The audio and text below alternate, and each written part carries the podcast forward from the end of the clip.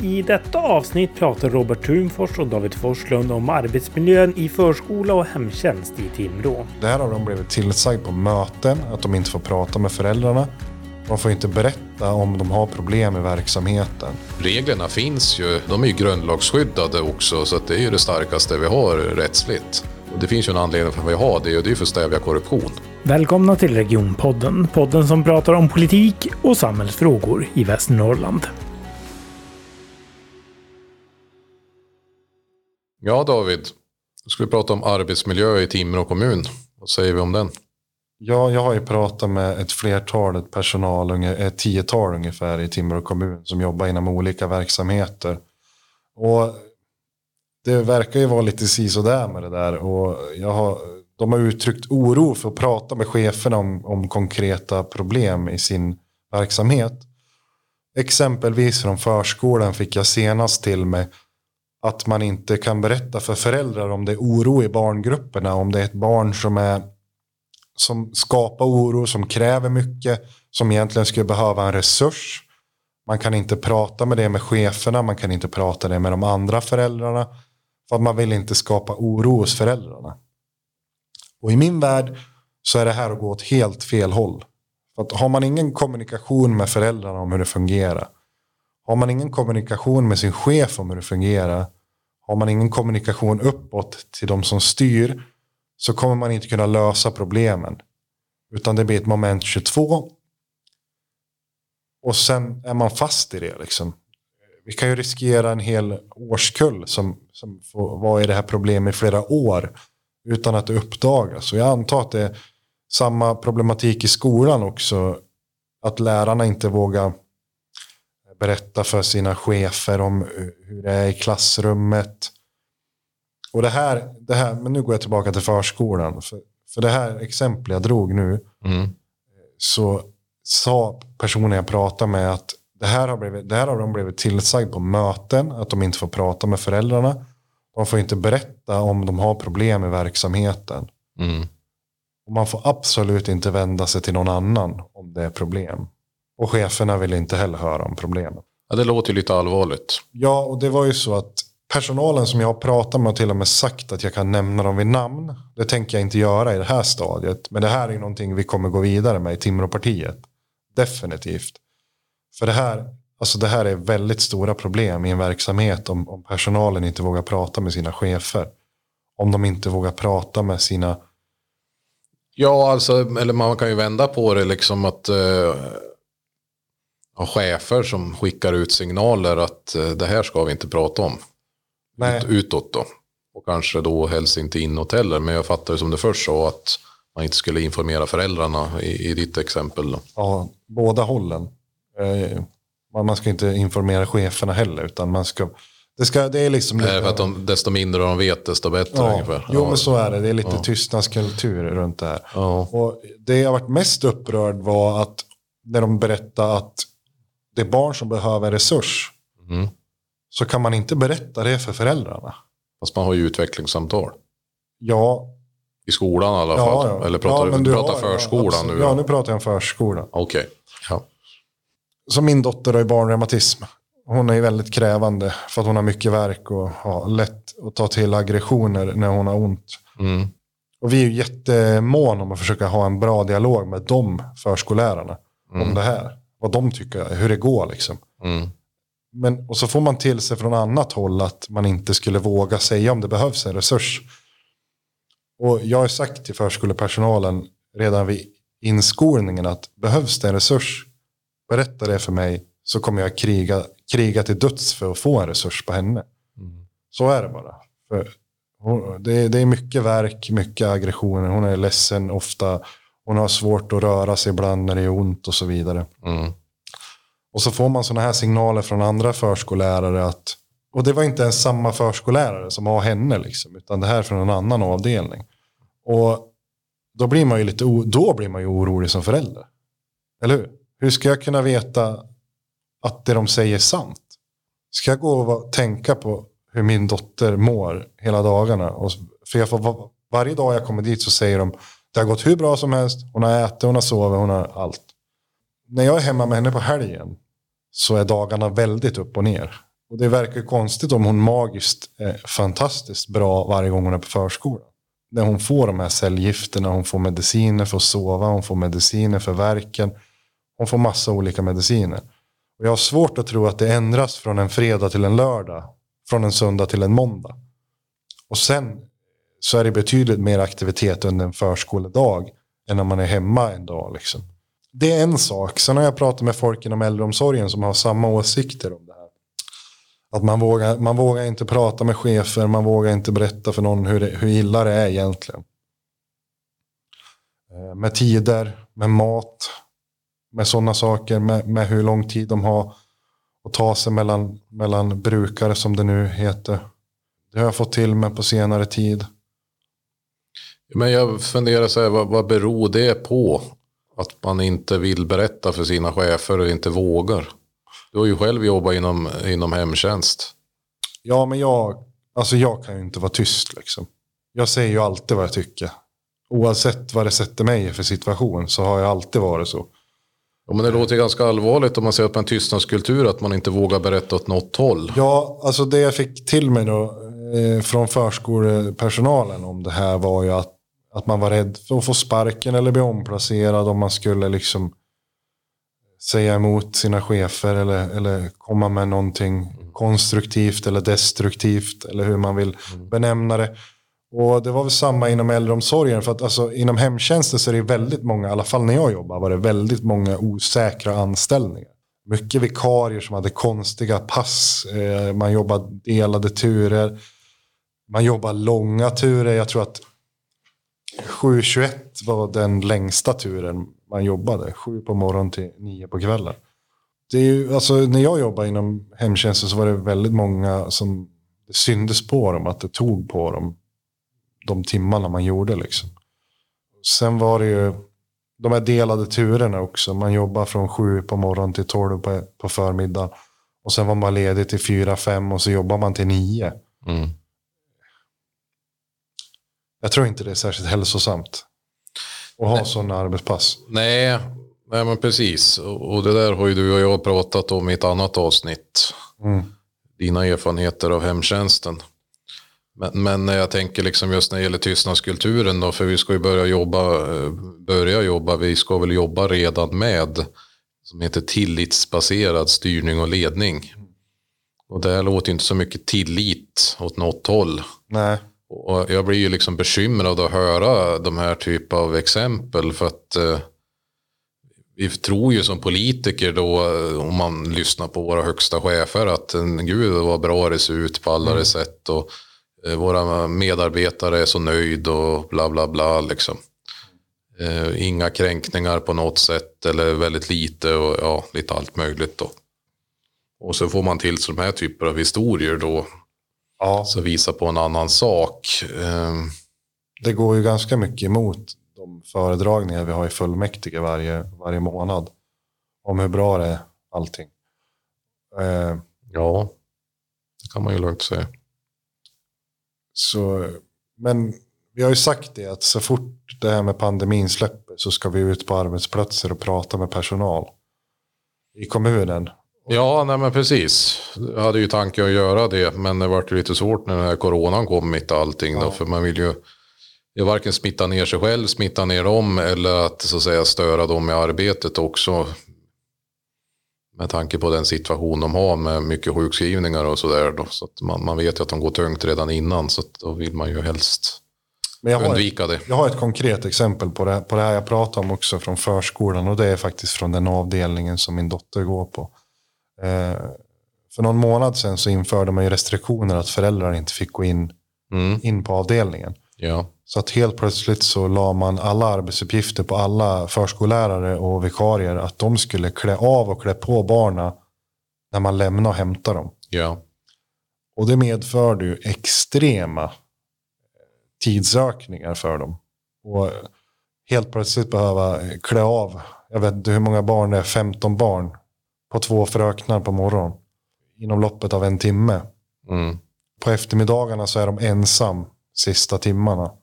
Och då kanske man har tre, fyra barn kvar. Och då ska man gå ut, då ska man ta med sig alla barn ut i omklädningsrummet. Och klä på dem.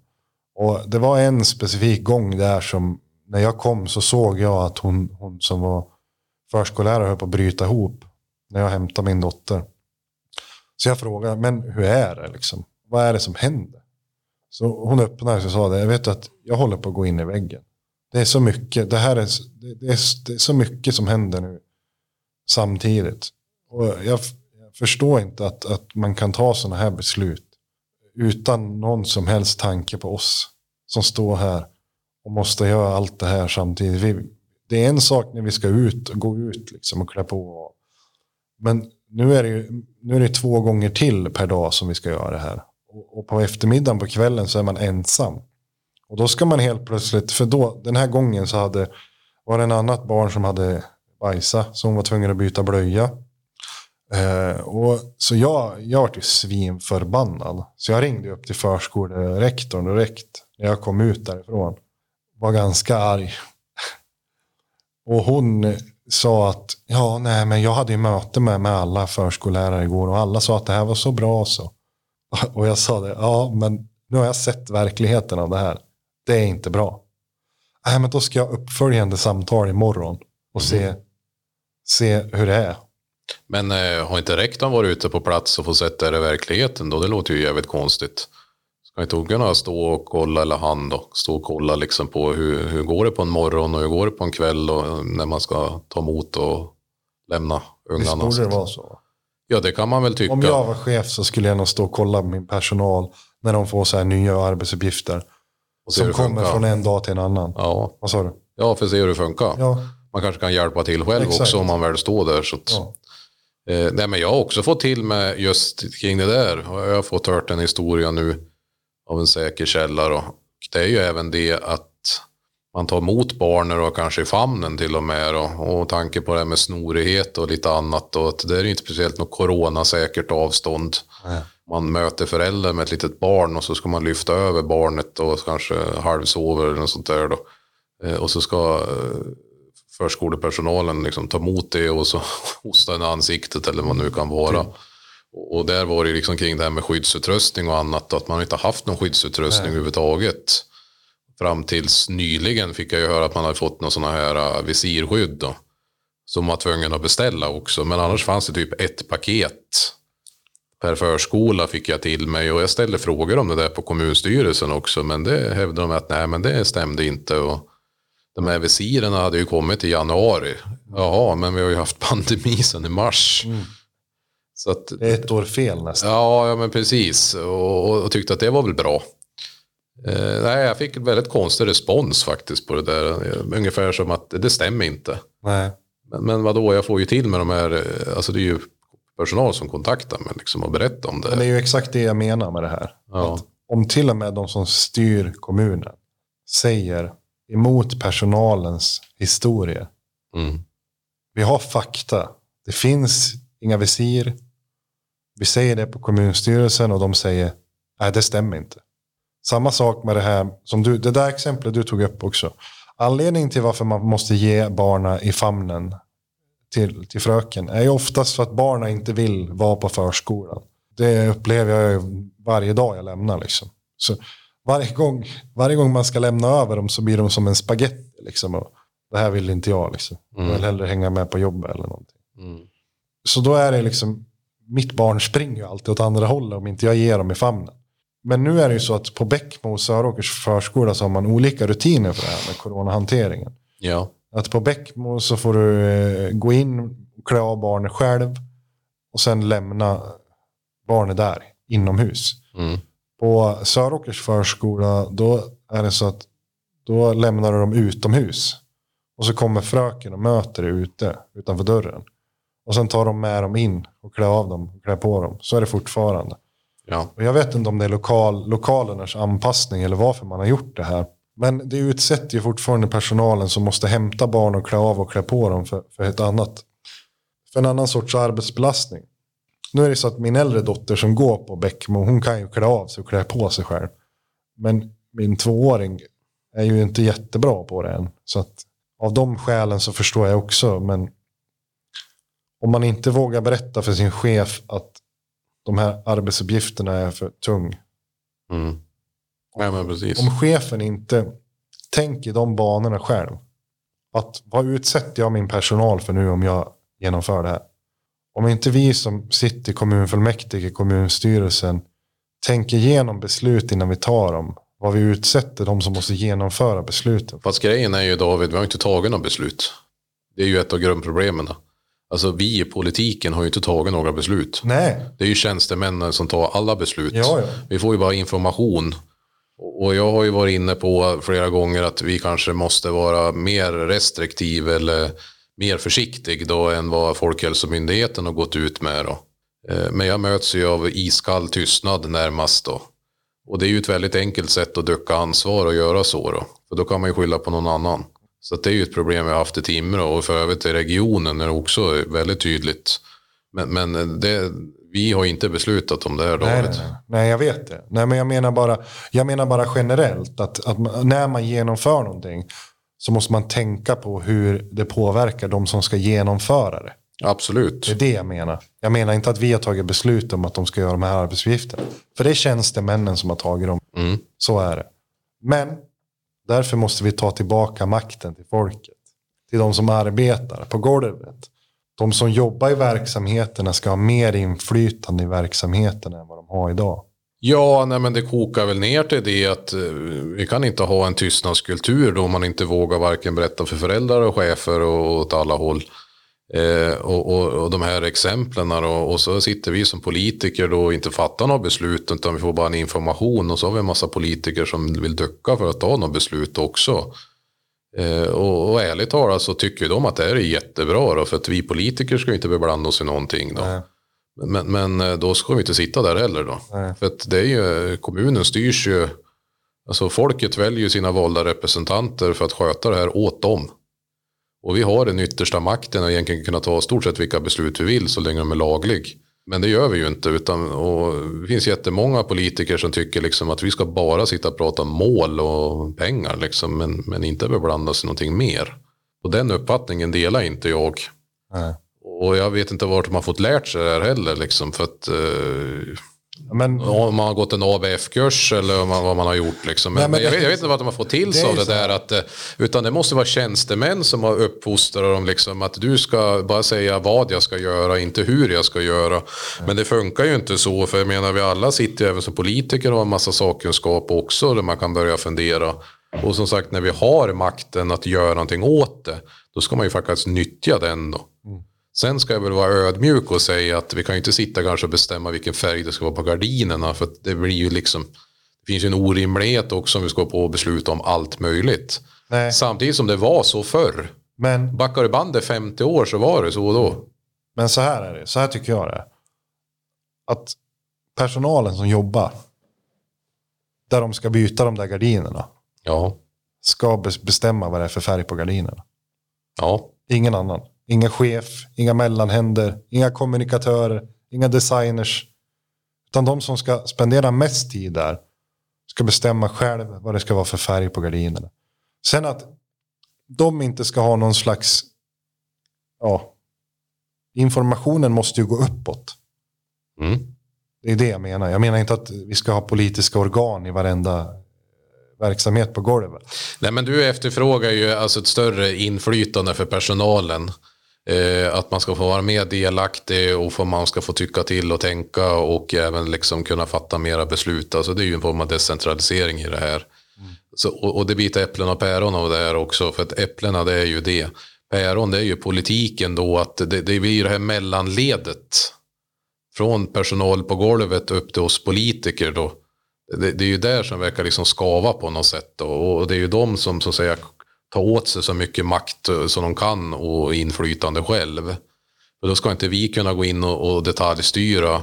Och samtidigt ska inte personalen på golvet heller kunna få säga någonting då. Så att det, det blir att den här mellanledet förkansas ju väldigt mycket makt och inflytande istället då. Eh, Som skapar ju väldigt konstiga effekter. Ja, uppenbarligen. Med Så- tanke på de historier man får till sig. Och som sagt, jag jobbar i, i hemtjänsten. Jag, jag känner hälften av de som jobbar fortfarande på den, den platsen jag var på. Så att, eh, det ska bli intressant att åka omkring och prata med lite, lite arbetare som är i kommunen och höra hur de ser på saker och ting. Kanske vi till och med spelar in alla samtal. Kan vi skriva ner manusen och göra historier? Spela in samtalen. Tycker jag att det är en bra idé. Nej, men jag tänkte för vår egen del. Jaha. Så att vi kommer ihåg allting. Jag tänkte så att du ska väcka sen. någon av våra lyssnare på nu en gammal grej från 2015-16. Ja, jag vet. Nej, men jag menar inte så. Jag menar att vi ska ta till oss. I så fall får vi väl ha med en sekreterare då. Som skriver ner allt som sägs. Ja, ja, det menar så. Okej. Jag menar bara att vi ska ha med oss all information som vi behöver. Ja, jo, precis. Men jag tänkte först bara så här, ska spela in dem mot... Tänkte så här, Och det eh, tycker du om? Ja, jag är ju förkärlek till att spela in saker. Men, men, men det, är, det är ju när jag vet att jag, folk försöker sätta dit mig på något sätt. Och så hade jag den där inspelningen och kunde fullständigt motbevisa dem att de var ute och cyklade och så bara skrek om det. Så det var ju faktiskt av självbevarelsedrift jag var så klok att göra det. Annars tycker jag att det ska man väl inte behöva göra. Nej. Men, men, prat, men jag förstod inte vad du menade först. Men nu Nej, vet jag jag, vad du menar. Ja, nu förstår jag vad du menar. Nej, men för det är ju lätt det också. Skulle vi, skulle vi besöka fem arbetsplatser på en dag. Och så skulle vi prata med 30 man.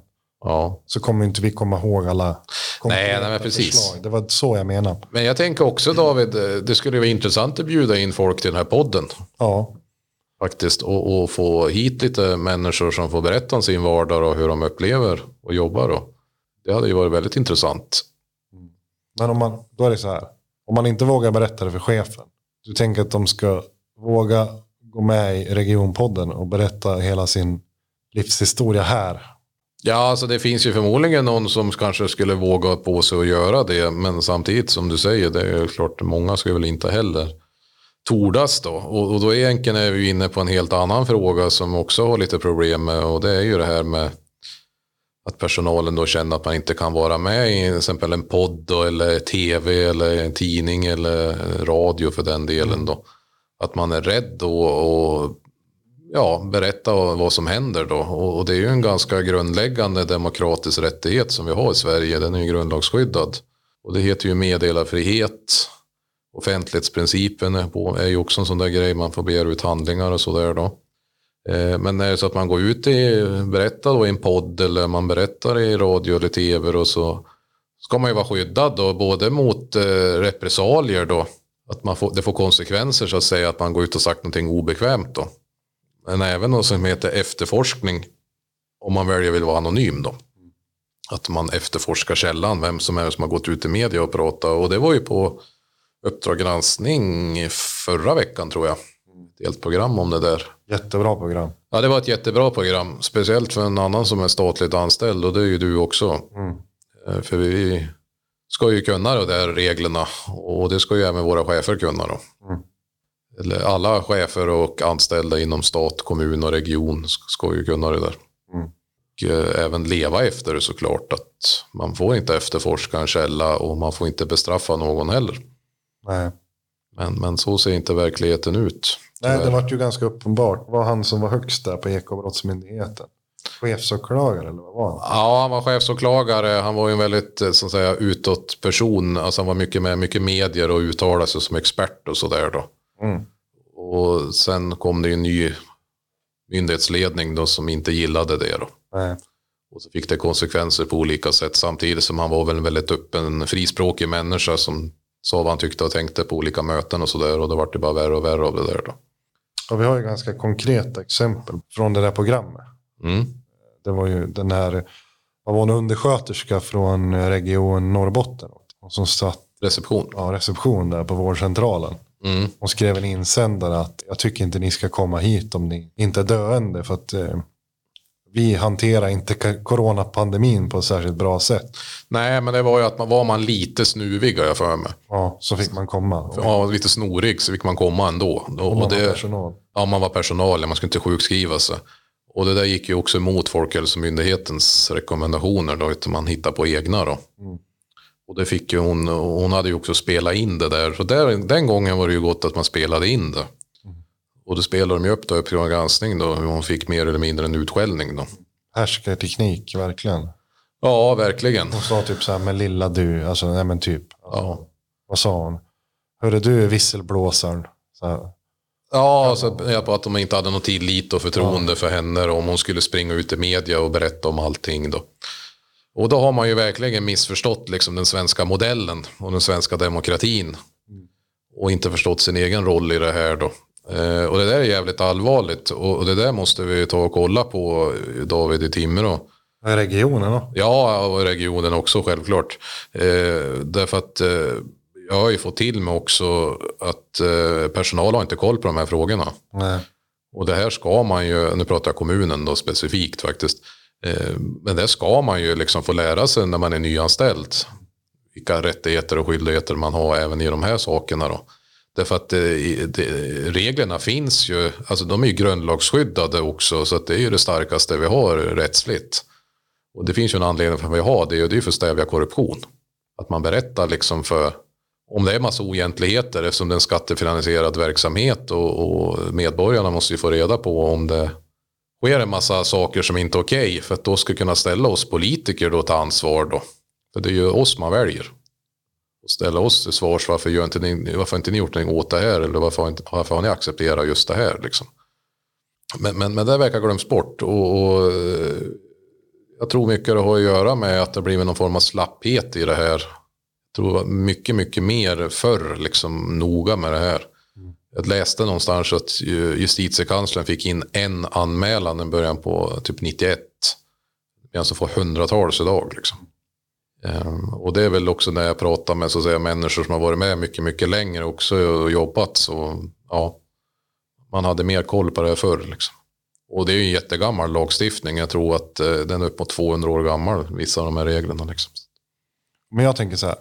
Skulle vi sitta i majoritet i Timrå kommun Mm. så skulle jag vilja ha till med allt som finns från personal. De saker de inte tycker fungerar i kommunen. Ja. Allt det skulle jag vilja ha till med. Så att jag kan göra någonting åt det.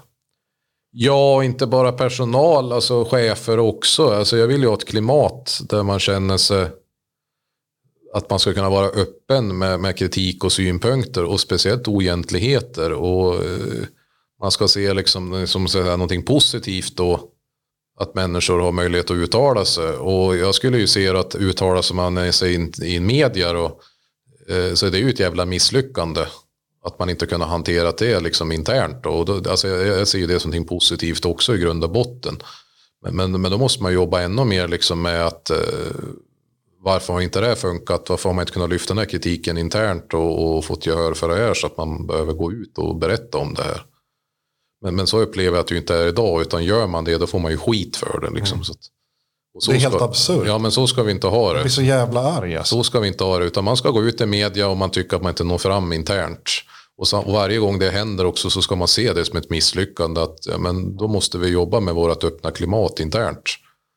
Att kunna liksom komma med kritik och synpunkter och, och, och ta upp saker som man tycker att det är någonting fel på. Liksom. Ni har hört Robert och David diskutera arbetsmiljö i förskola och hemtjänst. Om du har uppgift om dålig arbetsmiljö så tar Regionpodden tacksamt emot tips. Glöm inte bort att följa oss på sociala medier, dela våra inlägg och skriv gärna en kommentar om vad ni tycker om avsnittet så når vi ut till fler och blir bättre. Hej då!